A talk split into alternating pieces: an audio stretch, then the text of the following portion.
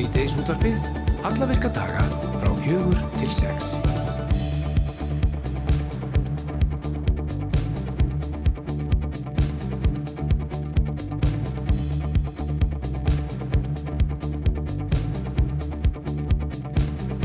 Og það eru Hrafnildur Haldurstóttir og Kristján Freyr Haldursson sem eru umsjónamenn síðdís út af sinns í dag. Heldur betur, handagangur í öskunni hérna, það er það er verið að veita velun hérna svona frammi og svo leiðis. Já, við erum svo spennt fyrir því náttúrulega. jú, akkurat. En það er nóg annað í þættinum. Uh, Rúnalur Ágússon, frangandastverið þróunar hjá Þorpinu, vistfélagi, segir í aðsandi grein í morgunblæðin í dag að tímabært sé að ræða lest sem heitir tengja Reykjavík og Akureyri um Suðurlandi yfir kjöl. Í greininni segir Rúnalur að þróun lestasamganga sem að uh, sem að samgangna? Já, jú, jú, jú, jú, ég er bara jarðganga og jarðgang, samgöngur og jarðgöngur er ekki það, afsakið. Að þró, Runur segir að þróun lesta samgangna sem, sem grunnþáttur í hröðum og umhverfisanum almenni samgangum víða um heim hafi verið gríðaleg. Runalur, hann ætlar að koma til okkur og ræða hversu raunhafar lesta samgangur séu hér á landi. Já, hann hefur náttúrulega áður talað um þessa lest milli Reykjavíkur og Keflavíkur. Jú, en nú vil hann ganga einn lengra Reykjavík. Akureyri. Við viljum að fá að vita það nánast hér í beinni útsendingu í síðdeisútarpinu hver það verður sem lítur viðkynningur ásar 2 fyrir framúskarandi lifandi tónlistaflutning árun 2023 og þau verðlaun kallast Krókurinn og eflaust fjölmart íslensk tónlistafólk sem kemur til greina en við fáum vonað að taka stuttspjall við verðlaun að hafa hér á eftir. það er spennandi. Nú að ný afstöðnu jólabókaflóði er freistandi að hlera hvernig bóksala var hér á landi á síðast ári. Er salan meira, og mi- meira eða minni eða eru teiknalofti? Var einhver flokkur bóka sem rataði frekar á náttborðið hjá okkur lesendum? Er það glæpasögunar sem að huga okkur allan eða eru barnabækur að sækja í sig veðrið?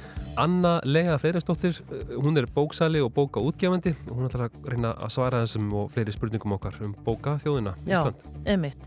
Uh, Bransadagur tæknifólks, hann verður haldin í fyrsta skipti í Hörpu núna á mándaginn 8. januar og þar verður brytta upp á fjölbreytti dagskrámi innlendum og erlendum sérfræðingum sem eiga erindi við fagfjólk í lýsingar, hljóð, myndlausnum ásamt sviðstækni, kvikmyndagerð og sjómasframlöslu.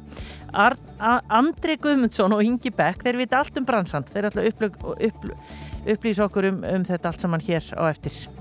Á sunnundaginn kemur þá verið síndur fyrsti þáttur af fjórum í heimilda þáttaröð sem að nefnist eh, Fangar breyta. Í setni heimstyrildinni handtóku breytar tæplega 50 íslendinga, fluttu þá til Englands og lokuðu þá inni mánuðum og árum saman án dóms og laga. Þáttaröðin Fangar breyta segja sögu þessa fólks á fróðulegan hátt. Sjö vestfyrringar voru handarnir til dæmis sömur 1941 og þeim gefið að söka hafa falið ungan þískan mann. Yngsti fangin var 17 ára stúlka. Sindri Freysson, hann er handritshöfundur þáttana og ætlar að koma hingað í heimsótt. En við ætlum að byrja þessu. Kuldabóli er á ferðinni víða á Norðurlöndum og uh, við heyrðum að því í gær að fólk var lokuð í, Svíþjóð meðal annars heila nótt í bílnum sínum. Það komst ekki út og það var herin sem þurfti að hjálpa fólki þarna og, og hérna bara eins og ég segi bæði snjó fannfergi og mikill kuldi. Og meðal annars fær finska þjóðin að kenna á því þessa dagana í bítandi frosti og við erum koni í samband við Magnús Lóa Kristinsson. Hann er listamæður, býr í Helsingi og er þarna á línni eh, í lópapeisinu vendarlega. Hvað er sætla blessaða Magnús? Já, góðan daginn. Hvað segir okkur? Hvað, er, er, er skýtkalt eins og við myndum segja hér? Jó, það er svolítið kallt. Já, Það er svolítið mikið kallt. Hérna, og búið að vera núna síðustu, síðustu daga bara. Og, og, og verður ennþá eitthvað fram, fram yf- yfir helgi. Já. Þegar ég ringdi þið áðan þá spurði ég hvort þú værir í, í sána. Er það ekki, hérna, það, er, það er ekki maður með mönnum í Finlandinni með eiga sánaklefin á baðherbyggi en, en það er vist ekki svo einfalt í svona kulda eða hvað?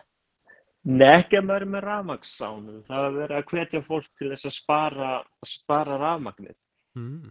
út af kuldunum.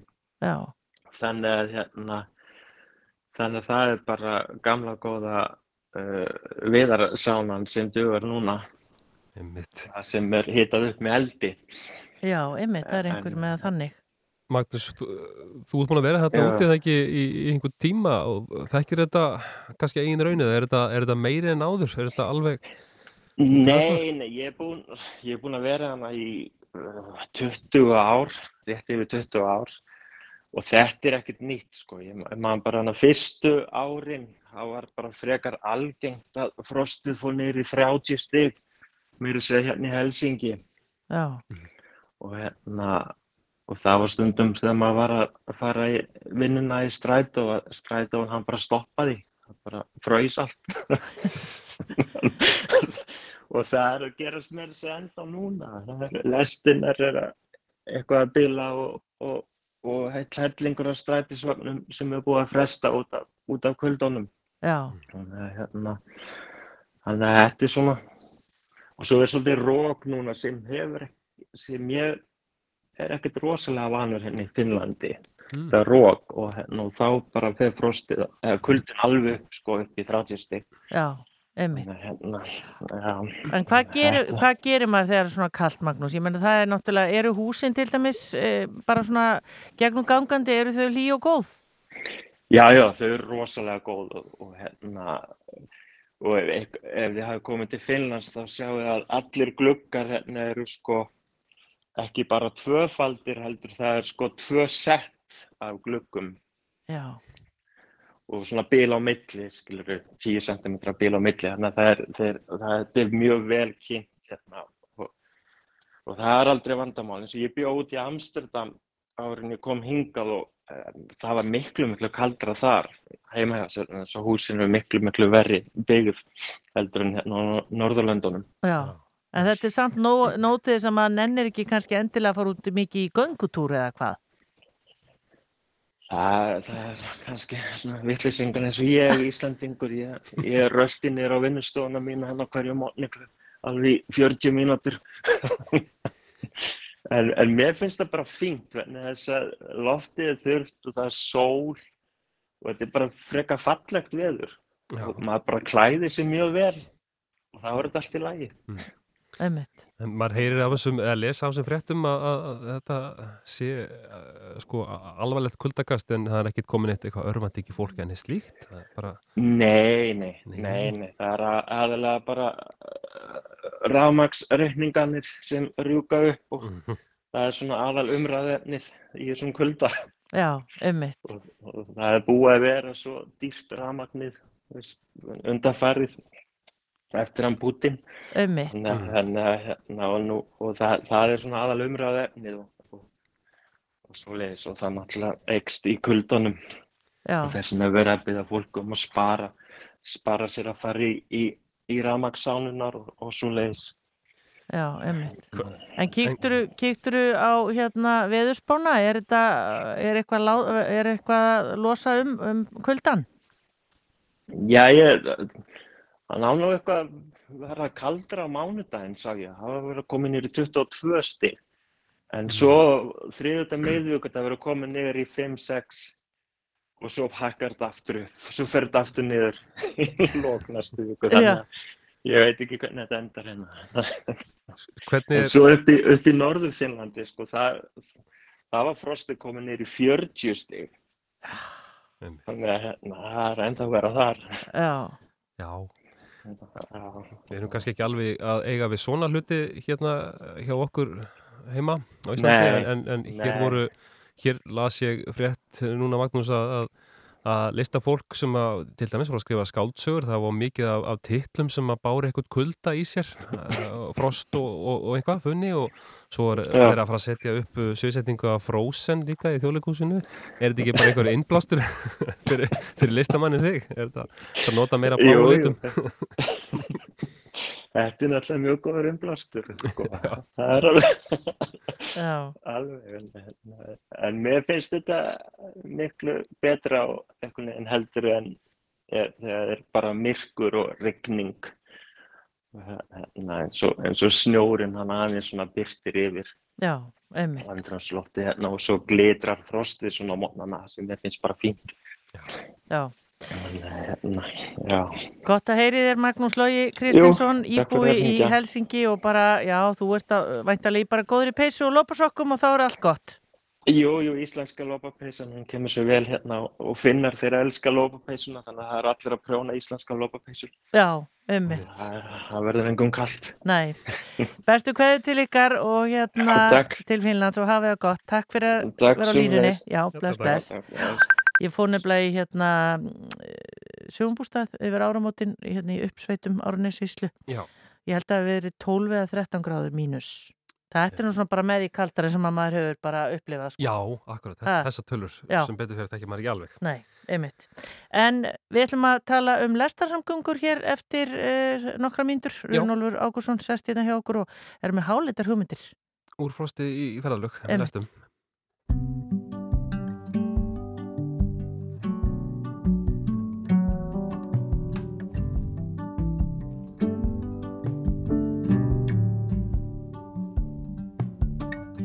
I miss my home. All the things I know, the way I talk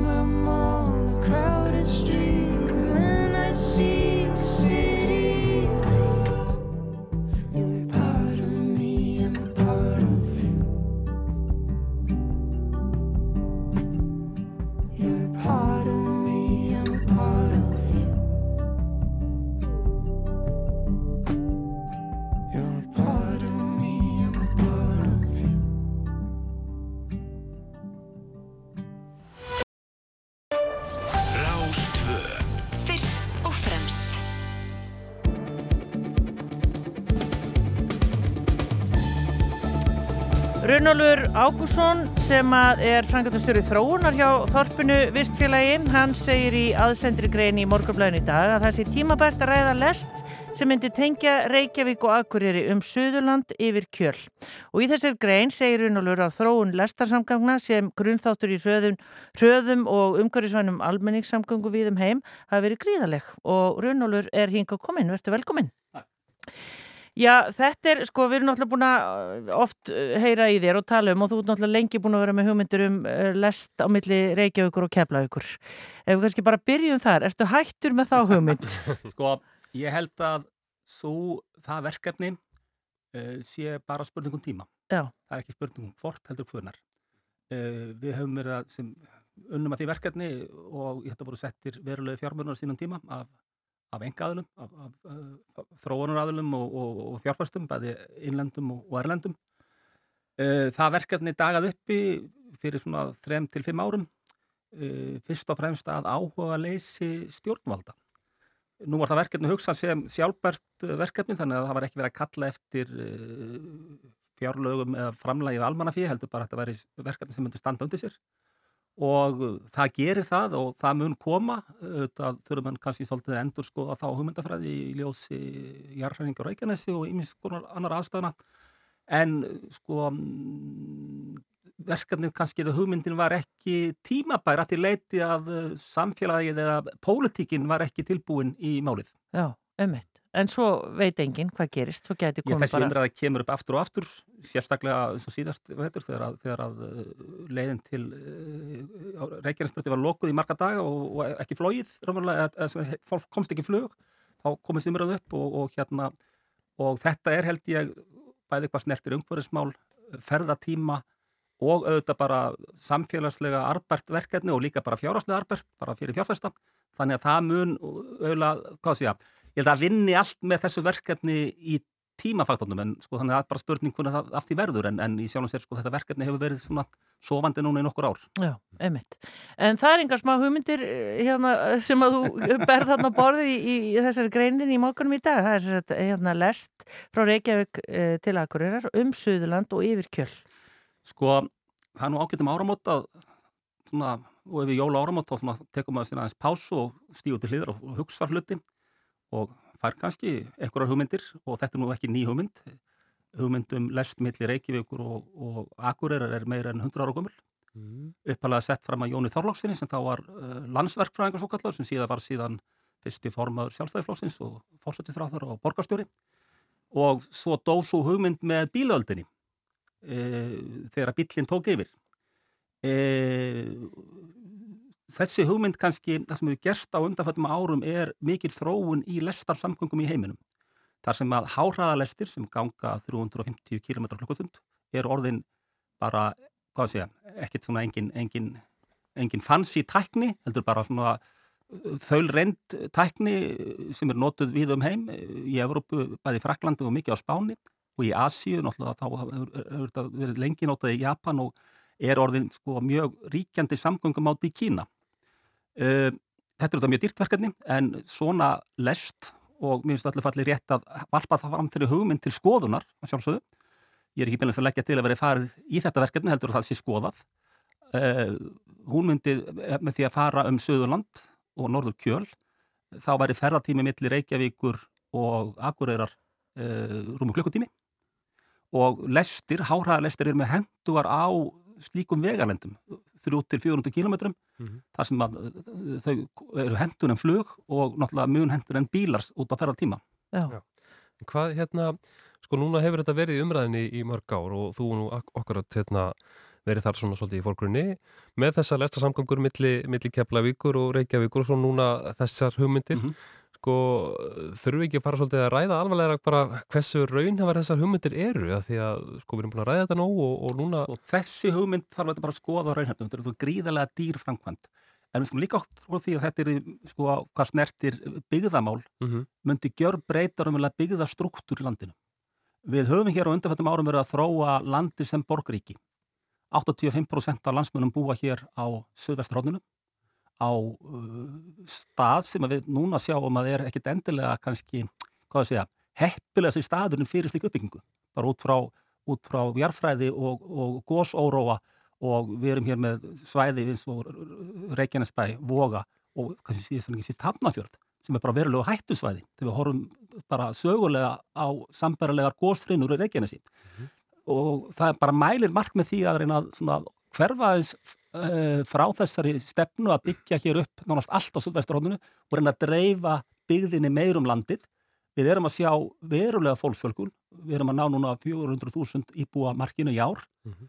Uh, Hagstofan spáði því á næsta áratugum fjölk okkur á lámarki halva miljón og það er kannski skynsalegt að hluti af þessari uppbyggingu verði annar staðar en hér á Suðvesturhóndinu og þá myndi svona framkvæmt uh, gjör breyta slíku og stór, til, til, til, til stór ebla vægi akureyrar. Já. Já, já. En, þú, en þú nefnir sko Östur, Asia, Japan og Kína.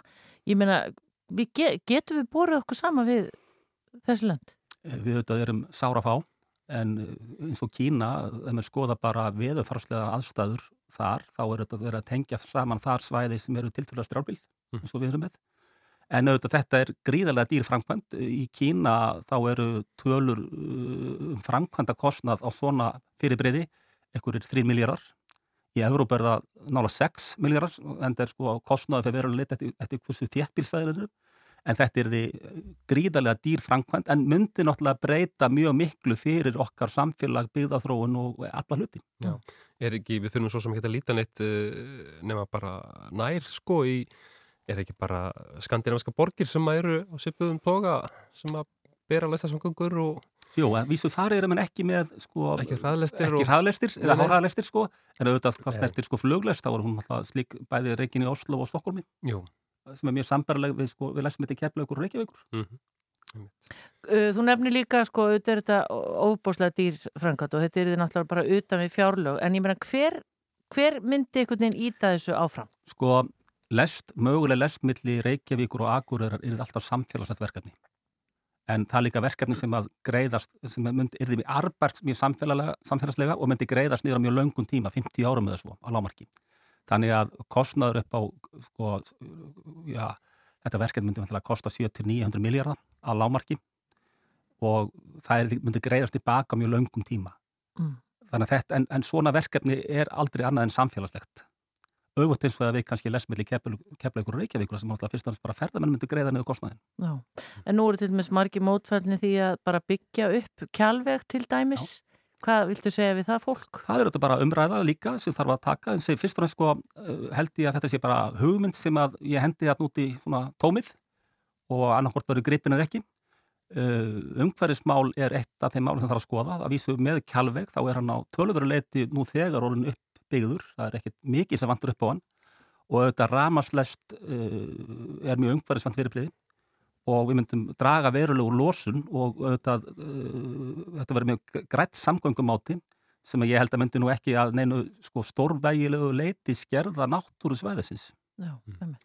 Auglísjuru núna eftir einhverjum hugmyndasmiðum til að fylgja þessari hugmynd Nei, þetta var bara að segja eitthvað svona sem að fara í kollin milli jól og nýjars og ákveður að henda út og koma frá sér og, og þannig að þetta er bara hugmynd inn í umræðuna. Já, En hvað hérna, bara ef við horfum á sko álíka framkvæmdir sem að við höfum hort á hér heima, uh, hvernig er þetta sko bara í tíma og í, í fjármætni, er þetta alveg út fyrir Þetta er auðvitað algjörlega út fyrir bóksi, sko, eina sambærilega uh, framkvæmdin sem getum jafna til er uh, bygging Kárunarkavirkjunar og Mm. álvers á reyðafyrði Já. sem er svona, var svona cirka 500 miljardar tæpir upprættina til, til núverðis eða þessi dag. Þetta er svona tvöföld slík framkvæmd. mm -hmm. Svo framkvæmd skipti verulegu máli fyrir byggðamál, hún var mjög umdelt, Mhm. einmitt út á umhverfismálum, en hefur sanna sig, bæði fjárháslega, borga sig upp nú þegar og auðvitað byggðarlega fyrir byggðaþróun á, östfjörðum, en uh, samgöngumál og innviðir eru nátengdir byggðamálum. einmitt. einmitt. Já, það er allavega ekkert verið til nema hugmyndin Nei. fyrst, er það ekki? Rúflófur Ákusson og við bendum á þessa greinina í morgublaðin í dag eh, Frankastjóri þróunar hjá Þorpunu Vistfélagi þar sem allt er á, á hundra, er það ekki? Jú, við vísu vildum nú hafa meiri gang þar, það er svolítið svona, hvað sé að kuldi á húsnæðismarkaði. Það eru erfiðar ástæður, við erum svo aðili hér á höfburgarsvæðinu sem er líklega eigum uh, flest, að byggingir rétt af flestum íbúðum, stærst var kannski farstöldan þróuna félag hvað snertir íbúðhúsnæði í Reykjavík. Allir við eigum ekki einhverjar 1000-1200 íbúðir uh, sem við erum að horfa á að þróa. En okkur finnst stundum ganga full hægt að koma málum í gegnum kerfið. Uh, Það er náttúrulega verið að endur skoða núna þetta regluverk og það þarf einhvern veginn að núna þegar að er gríðalegur, gríðalegur skortur á íbúðum þá þurfum við að geta bröðist hraðar við en við þurfum að gera þetta. Við þurfum að geta búið til fleiri íbúðir og sérstaklega fyrir þennan almenna markað vennilegt fólk. Einmitt. Og það verður næsta viðtal. Já, Takk fyrir ok. kominu hengar, Unnólfur Ákusson, takk fyrir. Takk leys. Takk. I don't blame you. We got carried away. I can't hold on to an empty space. Now you've found a new star to orbit. It could be love. I think you're too soon to call us old. When and where did we go cold? I thought I had you on hold. And every time I let you leave. I always saw you coming back to me.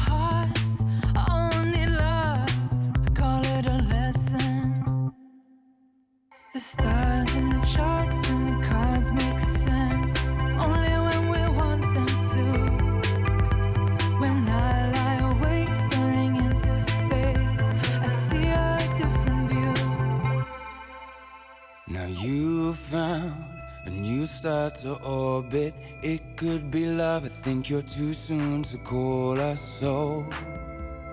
When and where did we go cold?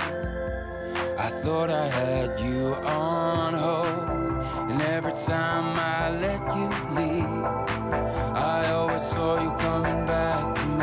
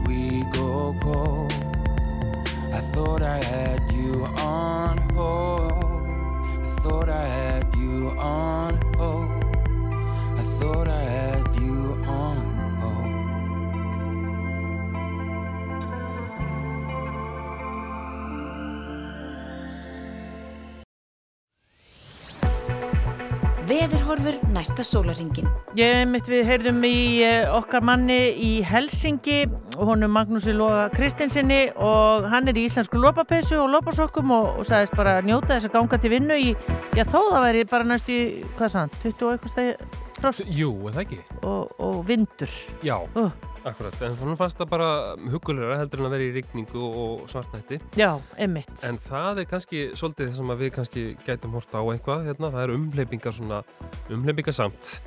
En ef við förum aðeins yfir horfurna næsta sólarhingin þá er það þannig að það er söðvestlæg eða breytilega átt 3-10 metrar á sekundu og sumstaða dálítið lél eða skúrir. En yfirleitt bjartviðri norðaustan til. Úrkomi minna um kvöldið og frost yfirleitt 0-6 stigan all víða frostlaustum við ströndina.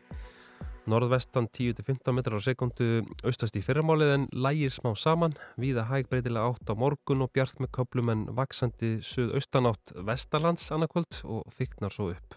Hlínandi veður. Þetta Já. já, þetta er eins og umhlýbyggarnar eins og, sko, mér finnst þetta bara að vera ofta í janúar Já. veginn að mæti manni svona þessar umhleypingar. Já, og þá spyr ykkur, myndi klakin þá jafnvel fara Jæja. af einmitt. göttunum? Við náum því aldrei. Nei, Byrjum að, byrjum að bleita í og svo snjóvar aðeins yfir, þetta er hættulegt. já, Við byrjum fólk að, að fara varlega í umferðinni, hvernig sem við ferðumst á milli. Já. Við höfum því miður ekki lestasamgangur, nei, við höfum það ekki. við höfum reyðjólandi, gangandi og keirandi fólk og við þurfum öll að að vera í þessu saman. Já, Við ætlum hér á eftir að ræða við mann sem að eh, skrifaði handrit af þáttum sem heitar Fangar breyta og Já. frumsýndir verða hér á sunnudaginn. Jú, Fyrsti þáttur, hann heitir Sindri Freysson en svo varstu líka með fréttir af Já. verleina afhendingu hér. herðu, bara rétt í þessu þá var ég að sjá hérna í beinu streymi að uh, það er búið að veita krókin uh, velun Rása 2 fyrir framúskarandi tónlistaflutning á síðasta ári og það eru nokkar Unna Torfadóttir sem, að- sem að er veluna hafi Já, þessa árs. þannig að við verðum að handhafi freista króksins. þess að reyna að Við ætlum lokka að hana næla til innan á okkar. eftir. Heldur betur. Já, frábært, hún er náttúrulega aldrei okkar kona, við erum búin að vera duglega að spila en það er frábært tónlistakona. Já, hún er mjög vinsæl með hlustanda, með hlustanda Rása 2 og skal engan undra. Nei, og þessi sem við ætlum að heyra næst í er líka mjög vinsæl, heitir Laufey og ætlar að syngja fyrir okkur lag hérna sem heitir From the Start og svo er það, Hugsaður þess að frábæru tónlistakora sem við eigum. Þetta er algjörlega magnað. þetta er algjörlega magnað og svo er það Sindri Freysson.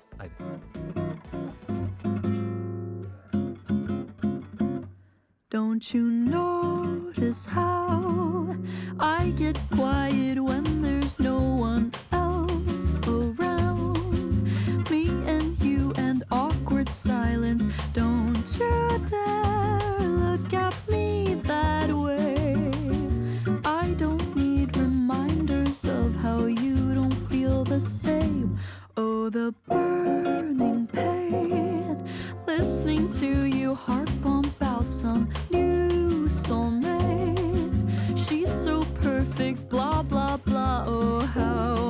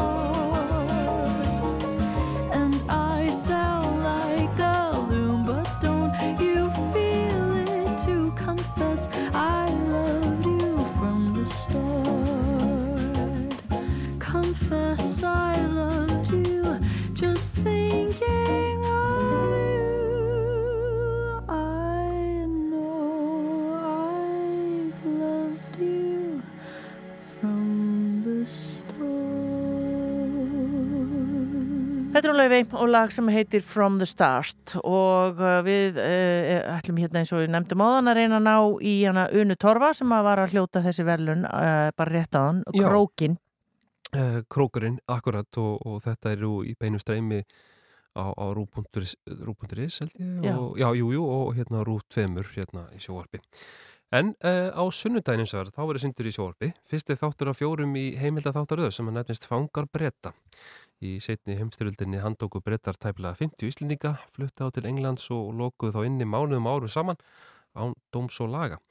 Og hinga til okkar er komin uh, handrið sömundu þáttana sem að getur sagt okkur aðeins meira um, um fanga breyta. Þetta er Sindri Freysson og verður velkomin. Já, takk hérlega. Glíðilt árið. Hvað segir okkur um, um þessa þáttaröð sem við ég eigum? semst náttúrulega hef já, mjög lengi haft áhuga á þessum etni, þessum íslendingar sem að voru, lendu í, í þessu breska stjórnkerfi eða, eða herkerfi sem þarna var og semst, var fyrir nokkar hún síðan að skrifa semst, sögu, sakræðilega bók um þetta og ég skiptir um þessum hópum í, í sex hluta. Eitt er að voru vestfyrringarnir, hópur uh, sjö vestfyrringar sem voru handteknir og fyrstu þátturinn á sundarinn fjallar um þá. Mm. Síðan voru þjóðvilamennir, Einar Olgjessonar þeir sem voru líka teknir og svo fram og svo framvegis. Og um, þegar maður er með svona sex hluta þá sem maður hefur eins og sex þættir nánast líka. Og ég er eitthvað ræðið þetta við, við Snærosdóttir minn einhver tíman og, og úr því samtali spreytta þessu hugmynd að kynna þetta fyrir eh, Republic Film Productions því ágæta eh, sjónvarsframslu fyrirtæki og auðvilsingaframslu fyrirtæki og þeir stökkva á þetta og, og núna þrejum ára setna þá erum við, erum við annars vegar með, eh, ef við erum með fjóra þætti, þurfum alltaf að snýða okkur stakk eftir, eftir fjármagnu og vexti. Svo gengur að gerist, eh, en tökum fyrir eh, hluta valdarsögur raunveru, af þessum sex hópum sem ég skilgrendi sem svo á sínum tíma. Og síðan í framhaldinu þá verðum við snærós með hlaðarstætti sem heita Fangar breyta bak við rimlana. Og það erum við fjöldum við um, um sögur sem eru korki í bókinni í þáttunum. Já. Við beinum til dæmis aðteglum sérstaklega að konunum og fjölskyttum þeirra sem að e, sátu eftir þegar að, að, að þeirra menn voru sínir og bræður og eigimenn voru fluttir út og lendu í þessum, þessum fangilsum breyta. Hvað, uh, hvers vegna, uh, þú nefnir þess að sjö vestverðinga Já. sem voru handetnir, hvað var þeim geðað að sög? Hvað, hérna... Já, það var þýsku flótamaður sem að hétt Ágúst Lermann sem að tók upp á þeirri vittlusu að, að leita á þeirra náðir og því miður, eða, því miður fyrir þau, þá samþýttu þau að, að felan og hún tókst að e, veri í felum í heilt ár sem þó nokkuð afreg á Íslandi árið 1940, þess að voru 120.000 manns, en fyrir vikið þá kemur breytin e, á sjómanandaginn 1941 með vélbussur uh, og, og lemur, eða sem ber, ber þarna, allar sem er búin þarna inn, knýr dýra og hann tekur sjö manns. Það er svolítið fyndið sko um í, í, í hlaðarsættunum sem kemur á eftir sjónastættunum uh, þá fenguð hann ágætt að fréttamann Hallgrim Indresson til þess að lesa þetta er svo, svo frétt mm. og það verður svo uh, súrrealist að heyra uh, fréttamann í nútímanum lesa já 52 eh, herrflokkur með 52 breytum kom til Ísafjörðar, hann tók þar sjömanns og svo framvegis. Og það, það setur þetta í svona skemmtilega súralið samingi, þá fattar maður hvað það var raunveru eh, einkilegt ástand og, og mikið yngripp inn í þjóðlífið á þessum tíma. Já, en svo finnst mér líka svo merkilegt að í setni heimstyrjöld hafi breytar handekið 50 Íslandinga. Já, það þetta, er líka rosalega stór hópur. þetta er ótrúlega stór hópur og það var kannski sem komið mest á óvart fyrst ég fór að skoða þetta að eh, ef maður notar þessa höfðatölu, þessa frægu höfðatölu e, þá mætti segja að, að þetta myndi jafngilda því að semst, e, sem bara bandarækjumenn hefðu handikið þá 50.000 manns á þeim tíma í bandarækjunum. Þeir eru vissu handtóku mundarhóst í Japani en, en það var svolítið, stríðstjóð, það var ekki, ekki vinaþjóð. Og raunveru það sem að eitt sem vatleika áhuga minn á þessu var það að velta fyrir sér hvernig hernáms þjóð, þjóð sem að hernumur annar land, kemur fram við hérna hernumdu þjóð. Mm.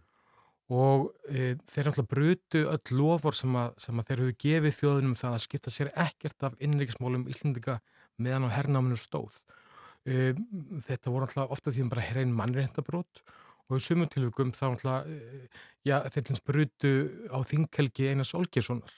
Hann alltaf nöyð þinghelgi, hann var þingmaður, en hann var hann tekinn þarna, tekinn frá e, já, eins áskamlega dóttur sinni og, og gefið tveir tíma til þess að, að, að vera fluttur, fluttur landi. Mm. En hvar, hvar voru þessi fangilsi? Hvar döldu? Í, þetta er alltaf skiptir svolítið þessi hópur sem við nefnum hér, þar sem vestfyrðingarnir og, og e, þjóðlemennir, þeir voru vistar í Brixton fangilsinu sem var fyrir, já, sagamenn bara, þetta var svona örgisfangilsi þess tíma í, í hérna London Mm. og konunar, það voru þrjár konur í þessum hópi frá vestfyrðum, þar fór í Holloway fangilsi sem var kvennafangilsi af, af sveipunum toga í London á þeim tíma Já, og uh, báður þeir hópmar þeir lenda í sem sagt, því, tíumbili þar sem að loftárusir þjóðverja á London voru hvað harðastar Einmitt. og uh, áttur eru, já bara voru heppin að sleppa lifandi sko. Ástandi var ekki, ekki nótt. þetta var ekki góð tími, Blitz svo kallega var, var, var á fullu og til dæmis þjóðlumennir þeir lendi því að þeir eru þarna vistar um tíma í, í, í, semst, í svona, já, bráða bara fangilsi áður en þeir fara til Brixton.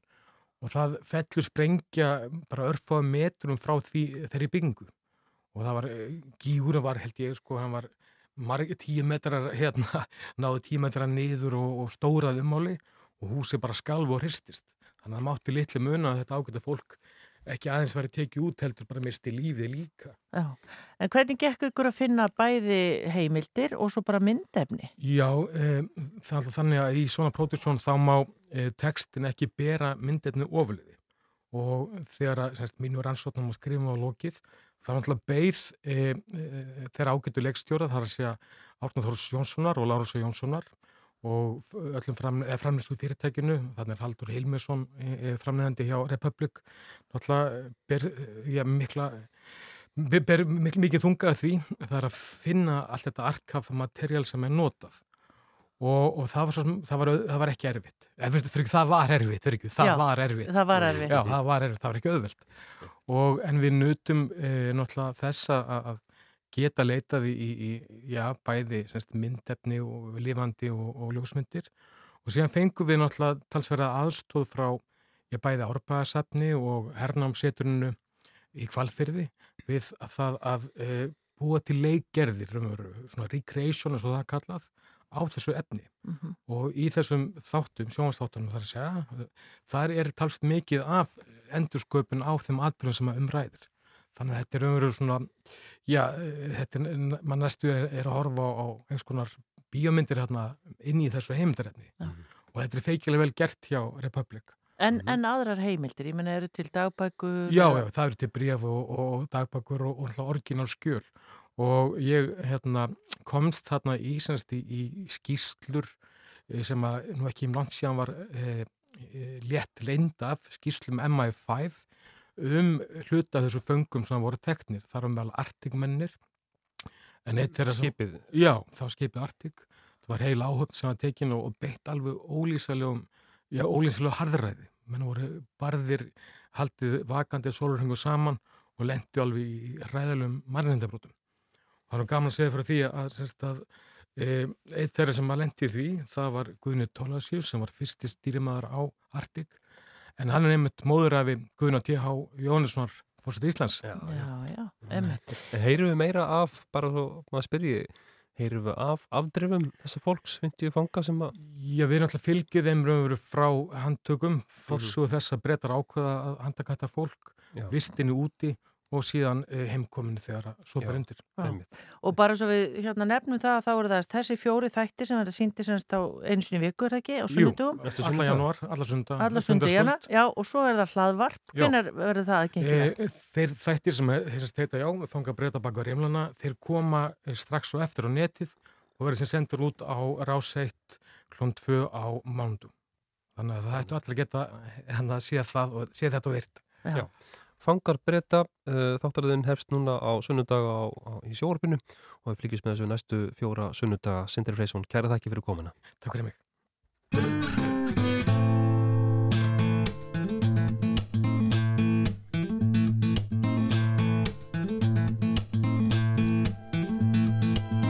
I try to do it quietly.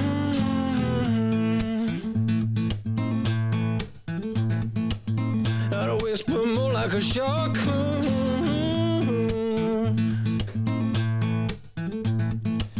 I try to disorganize neatly what to keep and what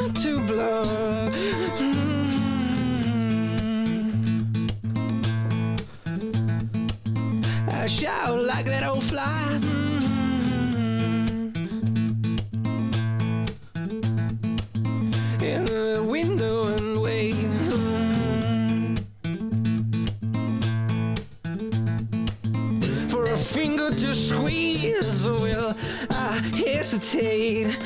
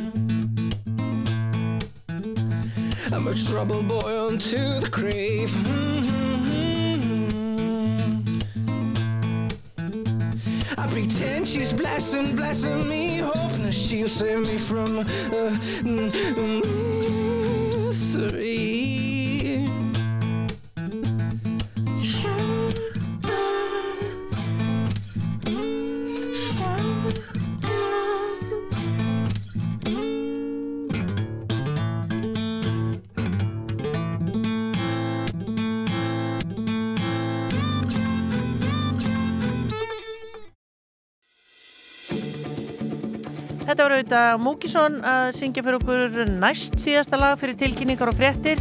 Við ætlum að leipa því sem sagt að og svo er, erum við bara búin að fá vilirið fyrir því að fá hér handhafa króksins til okkar. Jú, ný, hérna, akkurat, hvað segir maður?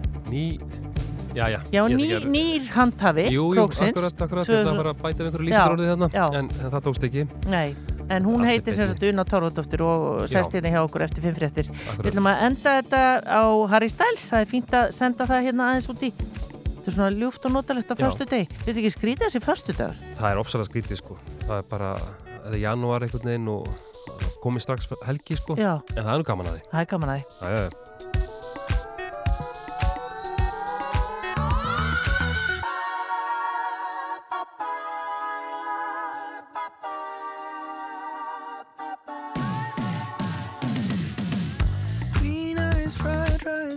Rice, I could cook an egg on you. Late night game time, coffee on the stove. Your sweet ice cream, but you could use a flake or two. Blue bubble gum twist around your tongue. I don't want you to get lost.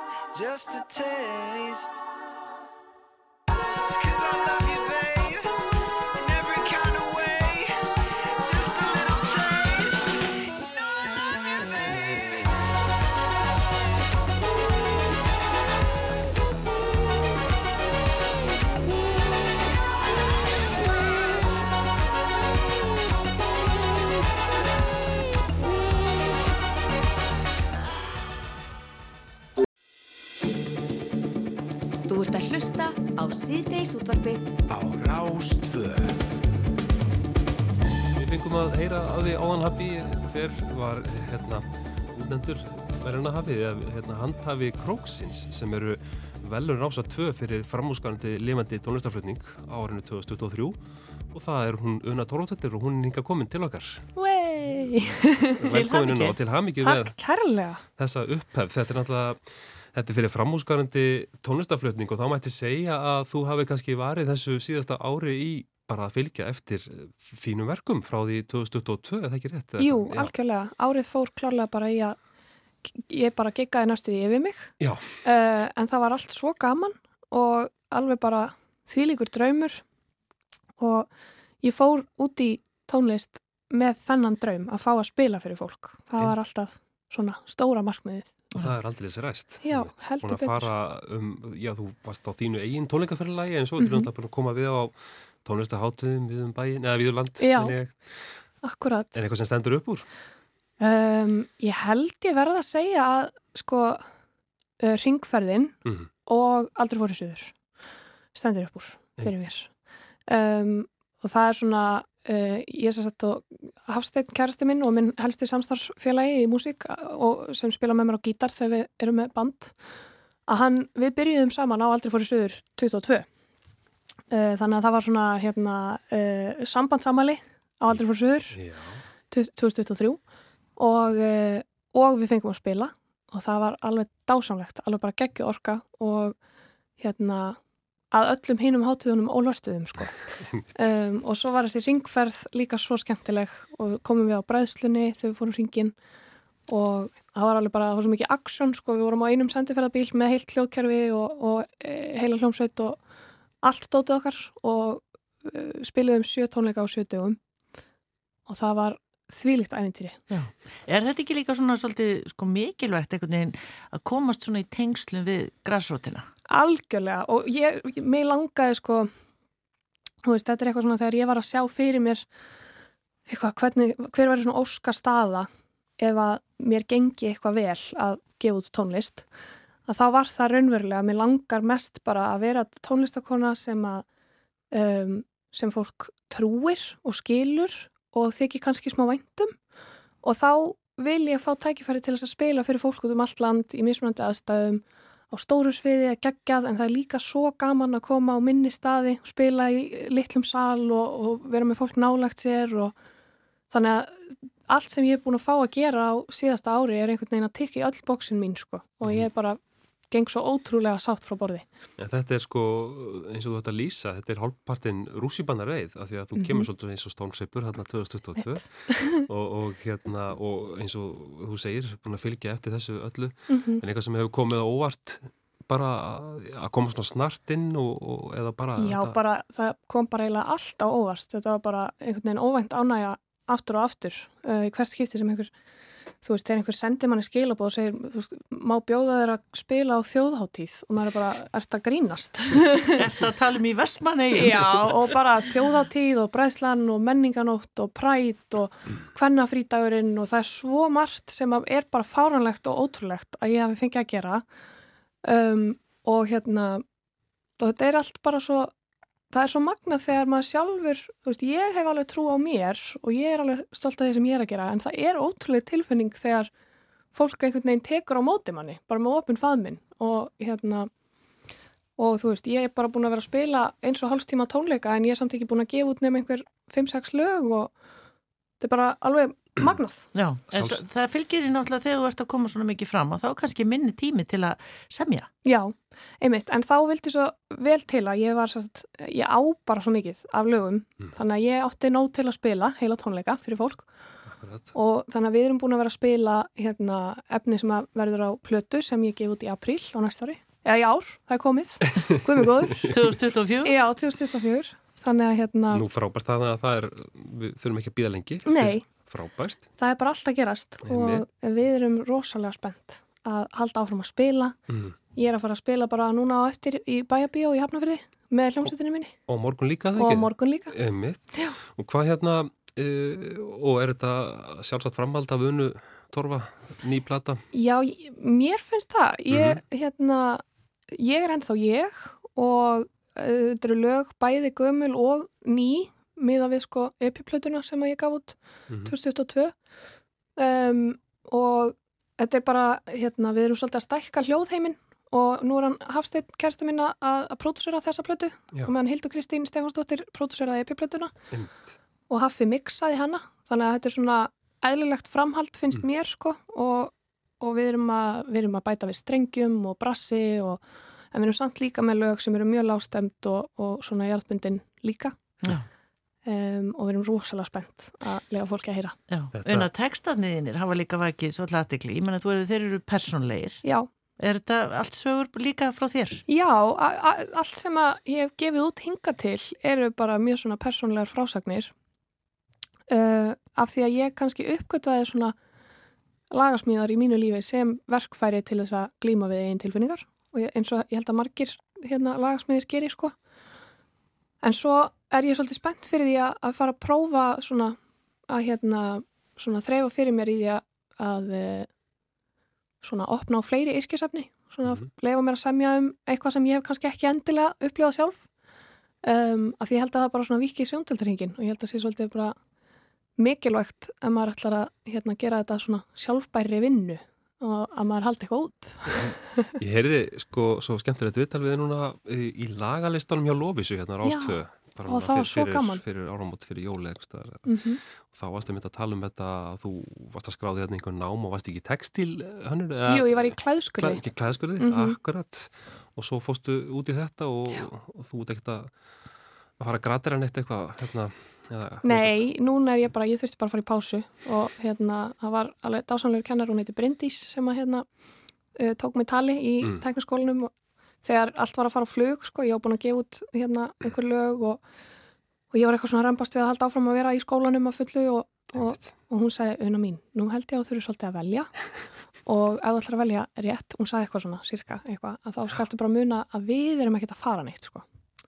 Að og, og maður veit aldrei að veist, það er ekkert sjálfgefið að að ganga svona vel í músíkinni og svona, þannig að bara, ég held að þetta kannski bara grípa gæsina. Já, sem betur fyrir fyrir okkur hinn. sem Já. betur fer að sjálfsögðu en við vitum allavega af því að, að þú vilt taka þig pásu þá getur við bara að fara að kiptir hérna overlock vel og svona Já, nákvæmlega, nákvæmlega. Fyrir þá sem eru að hlusta, eru til einhverju miðar í kvöld eða morgun? Eða? Já, það eru til miðar í kvöld. Ég, ég held að sé orðið uppselt á morgun, Já. en hérna, eh, ég bara banna fólki ekki að tekka á því, sko. En síðast þegar ég gáði voru þrýr miðar eftir á morgun.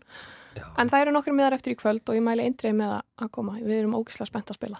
Þannig að það er plata framöndan og mögulega fleiri gig eins og orðar, tónleikar, Já. kannski viða bland bara Já. árunni til að fylgja nýri blötu eftir. Já, Algjörlega, frábært. það verður svo leiðis. Eitthvað lag sem kemur hérna á undan eitthvað, hefur við vonað á. Já, Ég spyr nú bara fyrir Rást 2 sko, við Já. erum svo miklir. það verða, það verða að minnst okkar tveir singlar áður en platan kemur út. Já, já.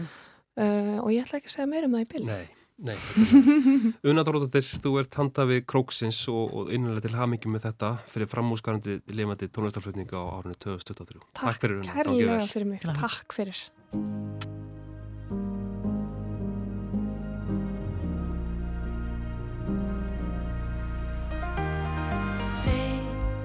Þreytir fætur dansa einn Við barinn svona kortir í fyrir þrjú Og vinkonan er farin á mín Fyrir aftan mig stendur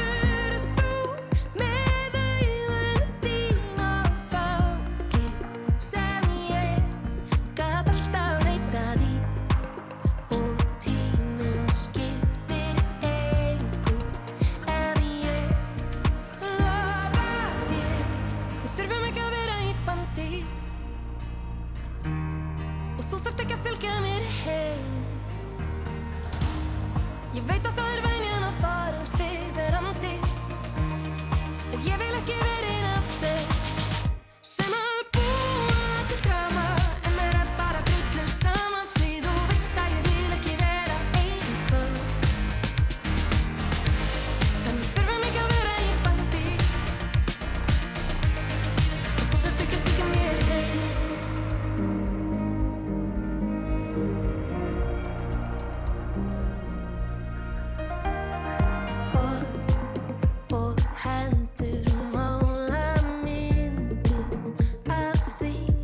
sem við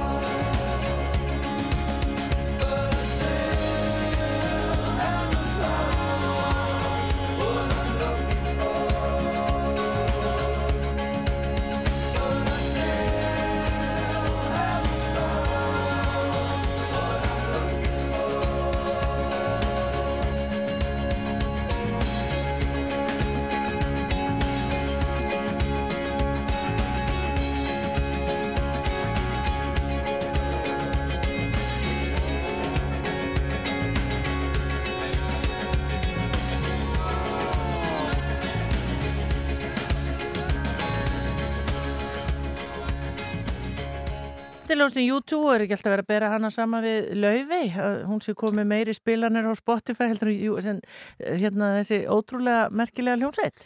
Já, einmitt, ég svona bara var með einhverja upprópur hérna áðan með þessar hérna, okkar íslensku tónlistakonur við vorum að heyra hérna unnu hérna rétt áðan og svo laufvegju hvað þetta er algjörlega magnað en maður gerir sér ekki alveg maður gerir sér ekki grein fyrir því hvernig, hvernig, hversu stórt þetta er orðið, sko, nei. allt saman, eins og með laufvegju og nönnu í Off Monsters and Men og, og bara Kale og allt þetta, þetta er bara þetta er hann risastór nöfn Já. í bransunum Emmitt. En við ætlum að, snúa okkur á bókum núna. Já, sko, nú, nú er náttúrulega jólabókaflöðin í afstæðið og það er svona freistandi að, að hlera hvernig, hvernig bóksaran hefur, hvernig hún var bara hreinlega. Auðvitað er náttúrulega ekki öll kurl komið til grafar en, en hingað til okkar er komin Anna Lea Freyristóttir, hún er bóksali og, og bókaútgefandi, verður velkomin. Takk fyrir. Við hérna, já, okkur datt bara í huga að taka svona smá púlsinn, en náttúrulega þú, það er svona rétt að, að ríki sig að falla eftir jólinn og hvernig, hvernig var þetta ár í, í bóksölu og bókum yfirleitt, fannst þér? Mér finnst þetta ótrúlega skemmtilegt ár, mjög fjölbreytt. Um, það var líka svolítið skrítið að fór mjög seint af stað, það er að segja salan. Mm. Um, en mjög, einhvern veginn, mér finnst sko dreifast á marga mjög frábæra titla, sterk segja, og barnabækurnar voru komu mjög sterkar en sérstaklega eftir skynniðustuðu að Það, var, hérna, Það hafði semst áhrif. það hafði mikil áhrif og maður sá alveg gaggjart eins og í búðinni hjá okkur Mm. þá sá maður alveg gaggjart fólk koma og bara búið að ákveða það að það ætlaði bara að gefa börnum bækur í Já. jólagjöf og svona þannig að það, það hafði mikil áhrif Já, emmitt. En hvað er ykkur ástæði fyrir því að vitið eitthvað af hverju fór seint af stað? Nei, veist, ég hef vel ekki skýringar á því. Það voru allir svona, ég þekki einn bókaútgefanda sem að er með hérna svona reminder í símanum sínum.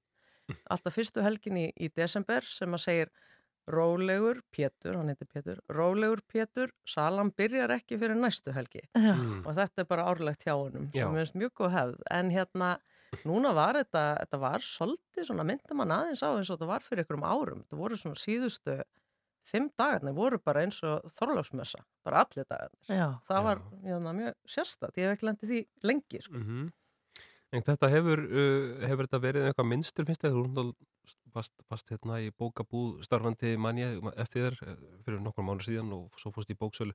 Hefur þetta verið, uh, er þetta bara eitthvað stígandi eða hefur þetta verið svona eitthvað brokkanda milli ára, finnst þér? Uh, sko, það hafa einhver, einhverja rattir verið að, að tala um að, að þetta væri, að væri svona svolítið á leiðinni niður en, en, en það er ekki að heyra núna af, af uh, bók, bóksölum og öðrum. Nei, ég held að við séum líka í eðl okkar kannski bjart sínt fólk svo sem, en hérna ég held að sé, ég far ekki með neina fleipur með að segja að kannski eintaka fjöldi á bakvið eins og þess að metsurlista núna er, er talsvert minn en að var einhver tíman en að samanskapi dreifist á miklu fleiri titla og fleiri höfunda Mm. uh, en áður var þessi bara komið betri og meiri flóra sko. um, en ég, það eru náttúrulega ákveðni flokkar sem að hafa dalað svolítið og það er nú kannski má skrifa á, á auk, aukna sko, eða þú veist öðruvísi nótkun á bókum eins og lögbókum og öðru þannig að kiljusala hefur dreigist verulega saman Mm. og varð svona, nei ég ætla nú ekki að segja útdauð en þegar í eins og í COVID og svona þegar fólk náttúrulega keipum með þessi kilju til að fara í frí og kaupi mikið að þeim eins og flugstöðinni og, og annað í bókabúðinu þar og það bara lagðist þeirra náttúrulega alveg af um, þannig að það kannski er svona sem maður sér og kannski færi þýðingar að koma út þá í kjölfarið Já, einmitt. Ég sá hérna á þessum lista allavega sem að byrtir hérna vísi að, að eina af þessum bókum sem er í topp 10 er bókinans Ólafs Jóhann sem er einmitt smás, smásagnasafn og það er, það er aldrei skemmtilt að, að hérna, þetta er ekki bara skáldsögurnar. Nei, það er nefnilega mjög skemmtilegt að því að hafandi starfa sem bóksali lengi og í kringum þannan bransa þá uh, er, það er mjög erfitt að selja smásögur. Fólk Já. einhvern veginn fú, fúlsar aðeins við þeim en þeir voru náttúrulega líka snjöll og sögðu ekki að það stendur hverki sko. það var bara nýja bókin eftir Ólaf Jóhann og stendur hverki á kápun eða, eða á bókinu sjálfur að þetta séu. Einmitt. þannig að það var svolítið mér. Já, einmitt. en hún er frábær Já. Hvað er einhverjar, já, þú nefnir hérna sko skáldsögur, þetta hafi verið sterk uh, jól í skáldsögum og, og batnabækurnar hafi tekið einhver stökk fólk hefur verið með einhverja saminsku kannski að, að lesa heima og hafa bækur fyrir augunum á börnunum. En hvað, er eitthvað annað sem að þið fannst áhugavert við, við hérna bókalfóruna? Var einhverju aðri flokkar bóka sem að poppuð upp einhver, einhver trend?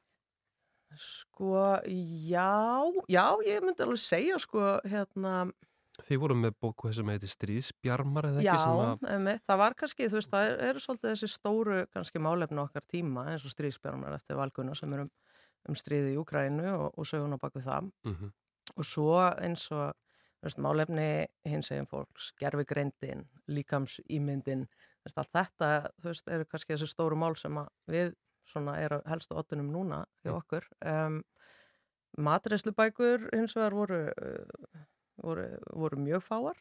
Um, en það var svolítið slagsíða í dulsbyggi það voru tarvotbækur og ímislegt svona kukl sem, a, sem að kom stert inn og fólk er greinilega og maður sér það líka farandi á bókamessur erlendis og svona, fólk er aðeins að leita inn á við og svona er opnari kannski fyrir og svona fólk sem manni finnst jafnvel bara mjög ólíklegt til að að ætla að stunda eitthvað svona Já, uh, já, en hvað með eins og barnabækunar? Því stundum, eh, hérna, Þorgrumi Þránsson, hann segir það bara alveg tröstum fótum að, að það kom ekki nógu margar bækur fyrir börn út á hverju ári. Hvað segir þú um það?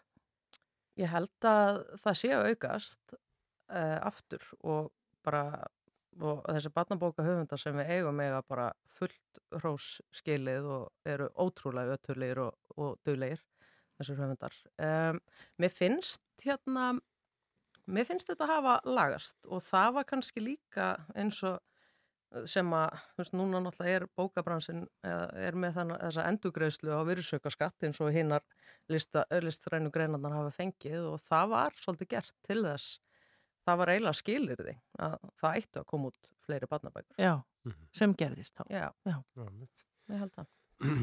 En hvað hérna, uh, núna er þetta þessi, sko, þessi tími ársins að, að fólk er að koma á skila og skipta og slíkt en, en svo hefst einhver, einhver markaðir það ekki og slíkt og Jú. það er alltaf jætt vinsalt. Jú, það er nefnilega skemmtilega að vera í, í þessum bransa maður lifir ekki á línulegum tíma heldur á svona ringlega tíma og, og árið er nokkurn veginn alltaf eins hjá manni það er svona þetta rosa partí sem er desember og svo er svona eftir kustun eftir partí sem er januar Mhm. Svo svona er maður nú bara undirbúið að því við erum náttúrulega, ég er í útgáfu líka maður er undirbúið voru útgáfun og þetta Já. og vinna áfram með höfundum að því eh, svo er bókamarkaður náttúrulega Mhm. það eru svona fastiliðir eins og venjulega í laugadalunum í februar sem að mun standa bara lengi og vera stór og, og flottur eins og venjulega. Svo, já, svo er þetta þessi vorbóka útgáfa og, og hérna, svo koma ferðamanninni svolítið á sumrin og þeir eru duglegir að kaupa bækur eftir íslenska höfunda sem hafa verið þýttar og þannig að þetta er allt. Og ertu komið með eitthvað í hendurnar svona, einhver handrit frá, einhver spennandi fyrir næstu jól? Svona, já, ég meina, hvað- mjög spennandi. Já. Virkilega, já, já, já. já. Það er alveg, það er margt, á, á margt skemmtilegt á döfinni. Einmitt. En þetta er náttúrulega allt háleinilegt. Já, já, já, já, já. Það er náttúrulega, þeir eru enginn að hlusta náttúrulega. Það Slögt á hljónum hérna Já. einmitt. Já, er ekki kveikt á mínum. En hvernig hérna, e, svo eru þau auðvitað með e, hérna, þið náttúrulega ert hjá Sölku útgáf og, og hérna þið náttúrulega reyka bókabú samleiða. Mhm. Hvernig hefur það gengið bara, svo ég með spyrja? Bara. Já, herriðu mjög vel. Hún fer bara, hún er í heilbriðum vexti, ef ekki að segja það. Hún Mm. fer svona stækkandi með, með hverju árinu. Við erum búin með opið í tvö og halvt ára núna og erum svona að reyna eins og, eins og var til dæmis eins og þegar við störum saman á sínum tíma í mál og menningu, þá var þetta svona smá félagsmiðstöð líka uh, og þannig að bókabúður finnst mér svolítið að vera, Já. að vera eitthvað líf og fjör og við erum með bókakveld og tarrot námskeið og Mhm. pubquiz um, um bækur og ímislegt.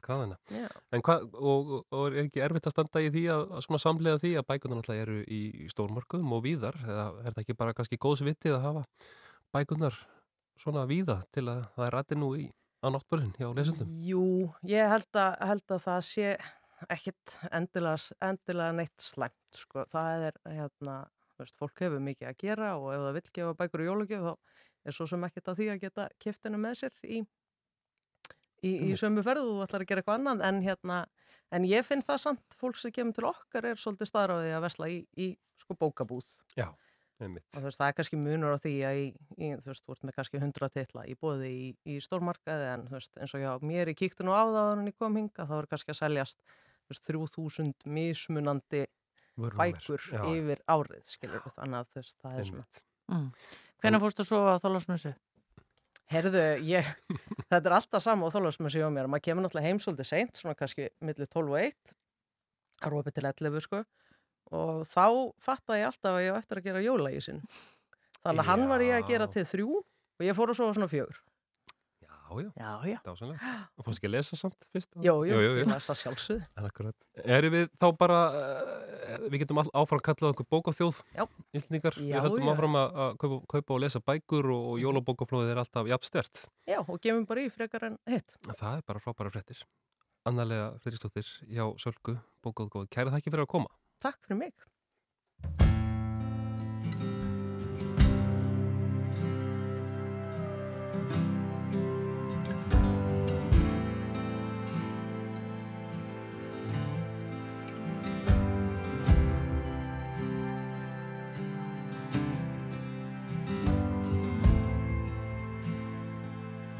Rod girl and whiskey's gonna ease my mind. Beach towel dress on the drying line. Do I remind you of your daddy in his 88 Ford? Labrador hanging out the passenger door. The sand from your hair is blowing in my eyes. Blame it on the beach, grown men don't cry. Do you remember that beat down basement couch? I'd sing you my love songs and you'd tell me about how your mama ran off and pawned her ring. I remember, I remember everything. Cold shoulder, a closing time. You begging me to stay till the sun rose. Strange words come on out of a grown man's mouth when his mind's broke. Pictures in passing time, you only smile like that when you're drinking. I wish I didn't, but I do. Remember every moment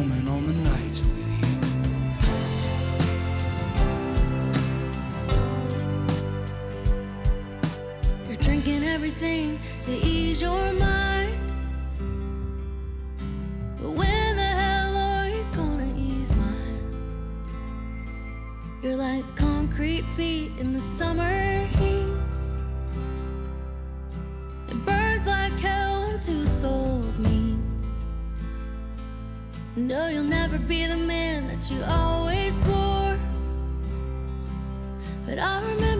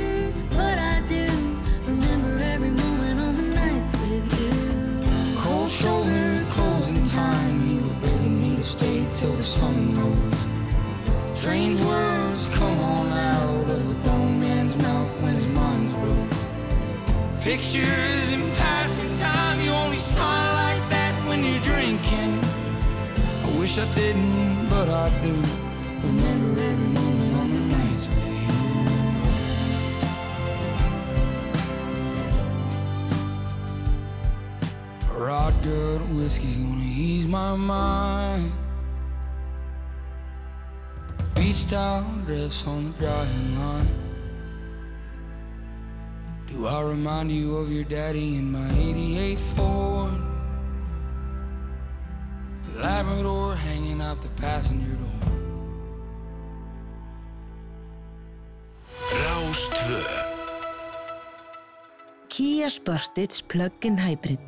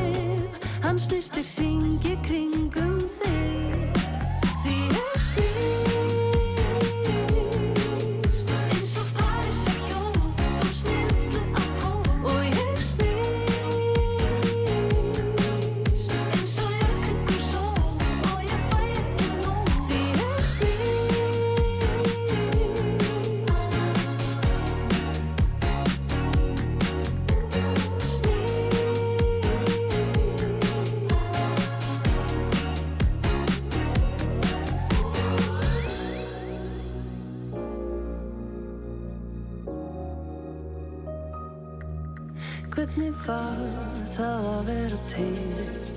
Þegar þú varst ekki mér við hlið. Því heimurinn Hann snýstir ringi kringum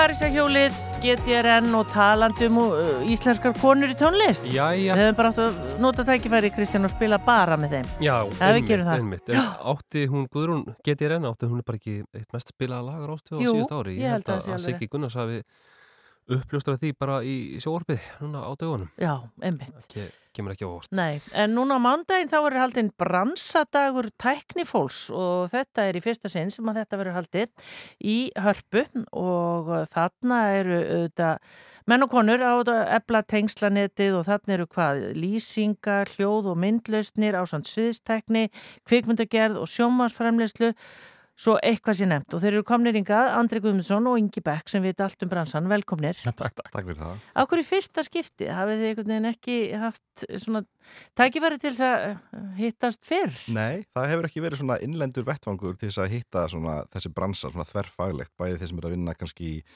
viðburðum og kvik kvikmyndum og, og hérna, sjónvarpi.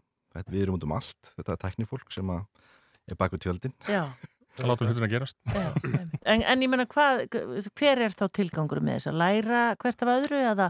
Já, það er bara, fyrsta leið, það svona koma upp einhverju svona faglegum vettfangi til þess að koma fólki saman í þessum bransa þegar það hefur ekki verið gert áður og til þess að fræðast, til dæmis, það eru með 20 erlenda fyrirlesara, nei, fyrir ekki, fyrir 20 fyrirlesara sem er að koma og halda fyrirlesara um ímismálefni og þar á meðal 6 eða 7 erlenda fyrirlesara sem er að koma að tala Svo verður þannig sýningabásar þar sem að fólk getur komið saman og skoða nýstu tækni í í þessum bransa og tala við hvort annað og, og, hérna, og verðum hérna með morgunverð og, og hátdegismat fyrir fólk líka. Já. Þannig að þetta er mjög, mjög vegleg dagskrá sko, og hérna verður mjög spennandi alls saman. Og fólk getur fengið tækni rundum hörpu og skoða útsendingabíl sem dæmi. Já, já, já. Mhm. Og það er ekki tilvílin að þetta er á mánudegi, er Nei. minna að gera hjá ykkar fólki. Já, við erum svolítið kvöld og helgar fólk, sko, þannig að hérna... Það er einmitt sko mörg þessi aðelda félög sem eru til dæmis í tónlist og örugla í, í sjóarfiðnaðanum og öðru slíku sem að einmitt kannski stuðla að einhvers konar svona það sem að, að- svona samkomum það sem að fólk kemur saman og, og, og, og hérna, fræðist um hérna þessa hlutina en þetta, er þetta félagskapur teknifólks eða hvað, er þetta félag sem að heldur utan um þetta, einhver hattur? Það er engin hattur, við komum eiginlega þrýr, þrjú, þrjú, þrýr að þessu. Þetta var Mhm. svona harpa annars vegar og hins vegar rafment og hins vegar FTR eða FT, félag tæknifólks í rafvinnaði. Já. Eh, Við svona hittumst fyrst og vorum bara, heyrðu þetta væri gaman að gera þetta uh, og svo bara svona vatt þetta svolítið upp á sig. Við hérna... Gerðist eiginlega óvart. Nei, það, er svona, það var rauninni þannig. Það var bara eitthvað eitt samtal sem ég og Andri áttum og verið svolítið síðan. Svo ákveðilega bara að skoða möguleikan á eins að greina hvort það verið þörfa sem sannlega var og svo Mhm. bara kildum við á það og ákveðum að bóka hörpu bara í þetta mál. Já, einmitt. En hvar, hvar stöndum við á Íslandi í svona þegar kemur að þessum greinum minna? Eru við bara í fremstu röð? Við erum mjög framalega sko, Íslandi er mjög svona tæknilega þróið í þessu en við erum kannski svona aftalega þegar kemur dæmis námi og fræðslu. Ef þið myndum ekki með neitt ofnbært nám í til dæmis ljósahönnun fyrir leikhús eða neitt slíkt. E, þannig að flestir er að sækja þess svona official mentun erlendis. En hérna, þetta er nú kannski eitthvað sem að við erum verið að vinna í reyna að laga. Já, og ég er eftir verkefnastöru á Rafment sem er sem sagt félagi í eigu félag teknifólks sem að sér um endurmyndun, meðal annars endurmyndun fyrir teknifólk á Íslandi. Já. Og hérna, uh, og við erum bara að vinna mjög mikið í þessum málum, við erum að hérna, erum til dæmis með kvikmyndatekninámi sem er á Sílandi og sjáum um það. Og svo eru alls konar ferlar hann í gangi þannig að meina við erum í stöndum í stórum, uh, erum að sem sagt í greiningavinna á störfum, svona bakstörfum meðal annars í ljóstakni og sviðstakni sem að síðan leiðir út í það að við getum til dæmis gefa út uh, fagbrif þar sem að við sendum fólki raunfættamat sem að þar við metum reynsluður á þekkingu og getum gefið uh, bref sem, sem segir til um hvort það hafi þekkin- þekkinguna ekki. Já, en ég meina, er þetta, hvað ég að segja, svona uh, hulin uh, heimur þannig að fólk er, þú veist, varan til mjög laun, ég hver, er eitthvað viðmið sem fólk hefur, því þetta er ekkit svona eitthvað eitt stjættafélag? Þetta er, aftur svo í daginn að bolta, þetta er, í vinslu hjá félagteknifólks, þetta hefur lengi vel eins og ég hef oft sagt svona innan, innan búðar að þetta hefur verið svona kúreka hérna, bragur ás öll saman en nú er stendur Jakob Tryggvason format félagteknifólks í, er í hérna að að taka þessum uh, mál förstum tökum og hérna er að koma að kjærasamningum og, og emitt viðmiðum til þess að hafa ekki tala með þá sérstaklega fyrir frílansara og slikt. Já, einmitt. Andrið, þú nefndir að þið eru líka með svona, hvað ég var að segja, svona uh, fyrirlestur um svona sálgæslu. Já, eh, okkur varst merk- mikilvægt að koma því að því að við, okkar fólk er svolítið mikið að vinna undir pressu í viðbörðum og kvöldum helgar, þannig að við fengum hana mig frá hérna, félagi breskra leikustæknumanna til þess að koma og hún ætlar að tala eins um svona geðheilbriði og hérna hvernig við getum unnið undir álægi og, og hérna og, og þess konar hluti, þannig að ég held að það sé bara mjög spennandi að hérna, heyra hvað hún hefur að segja sko. Já. Þetta er náttúrulega auðvitað mikið álag hérna á baku tjöldin, þetta er akkurat fólki sem að maður, hérna kannski, fólk er ekki endilega alltaf að horfa á Akkurat. og hérna, en hvað finnst ykkur í þessum, þessum bransa, þessum innan, er ekki, er ekki borðin samt virðing fyrir þessum störfum? Jú, algjörlega og þú veist, ég, eins og segi, við, er- ég held að við segjum tæknifólk alveg í heimsmæli hverða, sko. ég hef sjálfur starfað erlendis og þú veist, þá komst maður að því hvað við erum í raun og veru framalega hér þótt að það sé ekkit ofnberlegt Já. um það, sko en þetta er líka náttúrulega bara hulin bransi eins og þú segir, sko, Já. þetta er fólki baku tjöldin en þetta er samt fólki sem að engin tónleikar eða leiksýningar myndu verða án Einmitt. Og bara svo ég segi það að núna akkurat er Hrannildur bak við takkana hér og hún Ó, gerir þakka kleift að, tala hérna í útrúlega. Já, en hérna af því það var svo mikið umtal eftir áramótuskaupið um gerfigrindina eh, þið voru að nefna fyrir ykkur áðan að, að þeir sem að þar komu að þeir eru að fara eins að segja frá sinni Já, já, hönnun og tekni tæknistjóri þeirra sem að voru að gera hérna deepfakeið eða AI-ið sem að í skaupinu þeir eru að koma, Pétur Eggerts, hann er með fyrirlestur og svo endar dagurinn á smá svona pallborði um AI og hvernig það mun kannski hvaða áhrif það mun hafa á okkar, okkar bransa sko, Já, Af því það er kannski svona óskrifa blað, svo sem eins og í öðrum brönsum, hvernig þetta hvaða störf þetta leysir af eða hvernig þetta auðveldur okkur lífið. já, emmitt Og fyrirlesarandir, eru þeir bara komaði bæði úr, já það er að segja kvipundum og, og þeim bransa og hljóði og ljósum og, og bæði hérðan og, og, og erlendis, já, já, þetta er svona nokkur, bara góð nokkur flóra. breiður hópur, sko, við Mhm. kannski ekki að vera með allt, sko, en við erum Nei. með uh, hérna, trikk trikkshot bjarga sem Mhm. er með eftirvinnslu og svona myndefni ábyggilega fullt af efni á rúf sem er fyrir gegnum Já, hendur áður en það er fer út Já. og við erum með ljósamenn og ljósakonur og Já, og við tókum svona kannski að því við vorum að gera þetta í fyrsta skipti að þá ákveðum við að svona halda smá fókus í hvað, hversu breytt net við fórum, settum út sko. Mhm. Þannig að við erum að halda, setja smá fókus á ljós og hljóð, vídeo, vinslu á sviði og svo einmitt svona broadcast-vídeó. Já. Og það eru svona þessir fjögur trökk sem við erum með eh, gangandi í fyrirvestunum yfir enn dag, í þessum fjóru sölum.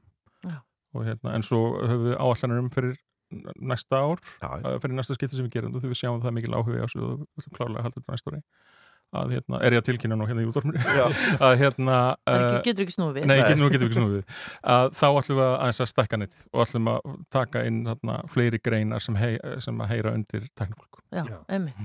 Uh, fyrir þá sem hafa áhuga á þessu, þú segir að búið að vera mikill áhuga og kosta tíu skall inn á þetta. Er, er búið að vera, er þið búin að selja marga með það? Við erum, það er vist stað sem að við sáum ekki fyrir það að það er mjög, mjög í að vera uppselt á viðburinn og, hérna, og ef fólk vil næla sér í mér þá endilega bara fara inn á bransandagur.is Já. og það er hlekkurinn og tix en er þetta þá þannig að maður þarf ekki að skrá sig á ákveðna viðburði eða ekkert.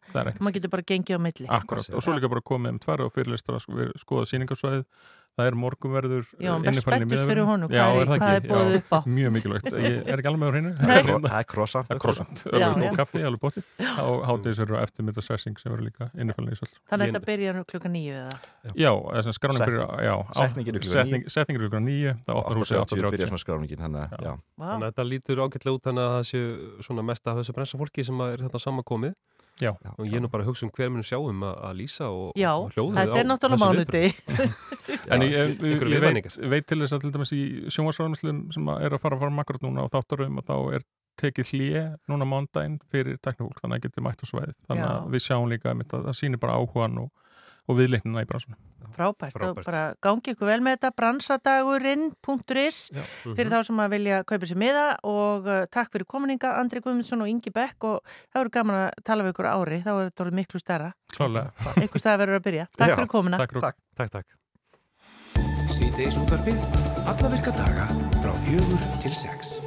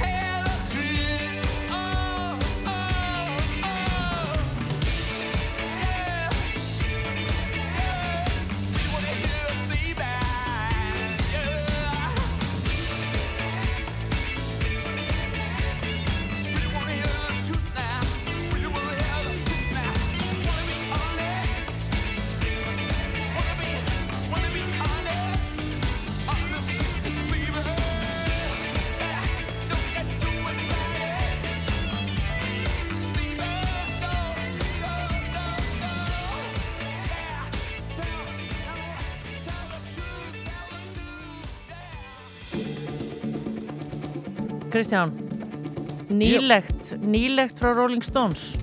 Þeir eru ennþá alveg bara eins og einhver unglömb sko. Þetta Það er alveg bara, magna. Ég veit ekki hvað er haldið að þið séu. Var ekki Keith Richards áttræður núna bara, Jú, jú. bara fyrir einhverjum dögum síðan? Akkurat. Gekkja. Kannski getið það farið í fórsetaframbóð. Já, hver veit?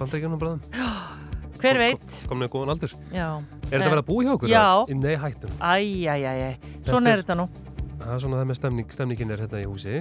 Fastu dagur og svona, við erum búin að fá mjög mikið af góðum viðmælandum. Vorum að eh, kveðja þá bransamenn uh, Andra og Inga Beck. Já, og bara mælu með fyrir alla það sem er í bransanum að fara í hörpu á mánudaginn. Já, þetta eru mikilvæg störf þarna. Já, og svo tölum við Unnu Torfa, hún fór heim með verðlaunin Krókurinn að, Ný, nýkrynd, nýkrynd hérna, krókshafi. Ég. Já, ég var að reyna að leita þessu orðið hann fyrir í dag.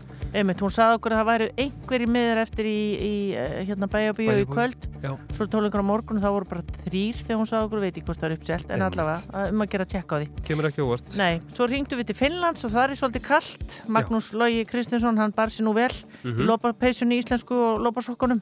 Svo kom. Runólur Ágússon, hann vill bara stakka upp á þessum jólinn, hafði ekkert að gera, skrifaði grein, lest á milli Reykjavíkur og Akureyra. Annars gerist ekki neitt, við fáum ekki hugmyndir. Einmitt. Góður hugmyndir. Svo heyrðum við í önnulegu um, um jólabókaflóðið. Já, og Sindra Freysinni sem er handritsöfundur á þáttaröð sem byrjar á sunnudaginn hjá okkur í Árúf sem heitir Fangar Breta. Já, forundilegt. Já, en við ætlum bara að kveðja, ég, Rafnildur og Kristján Freyr og þakka ykkur fyrir að hlusta. Við ætlum að enda þetta hér á lagi sem heitir Venus Já. og þetta eru Bríett og Áskir. Og við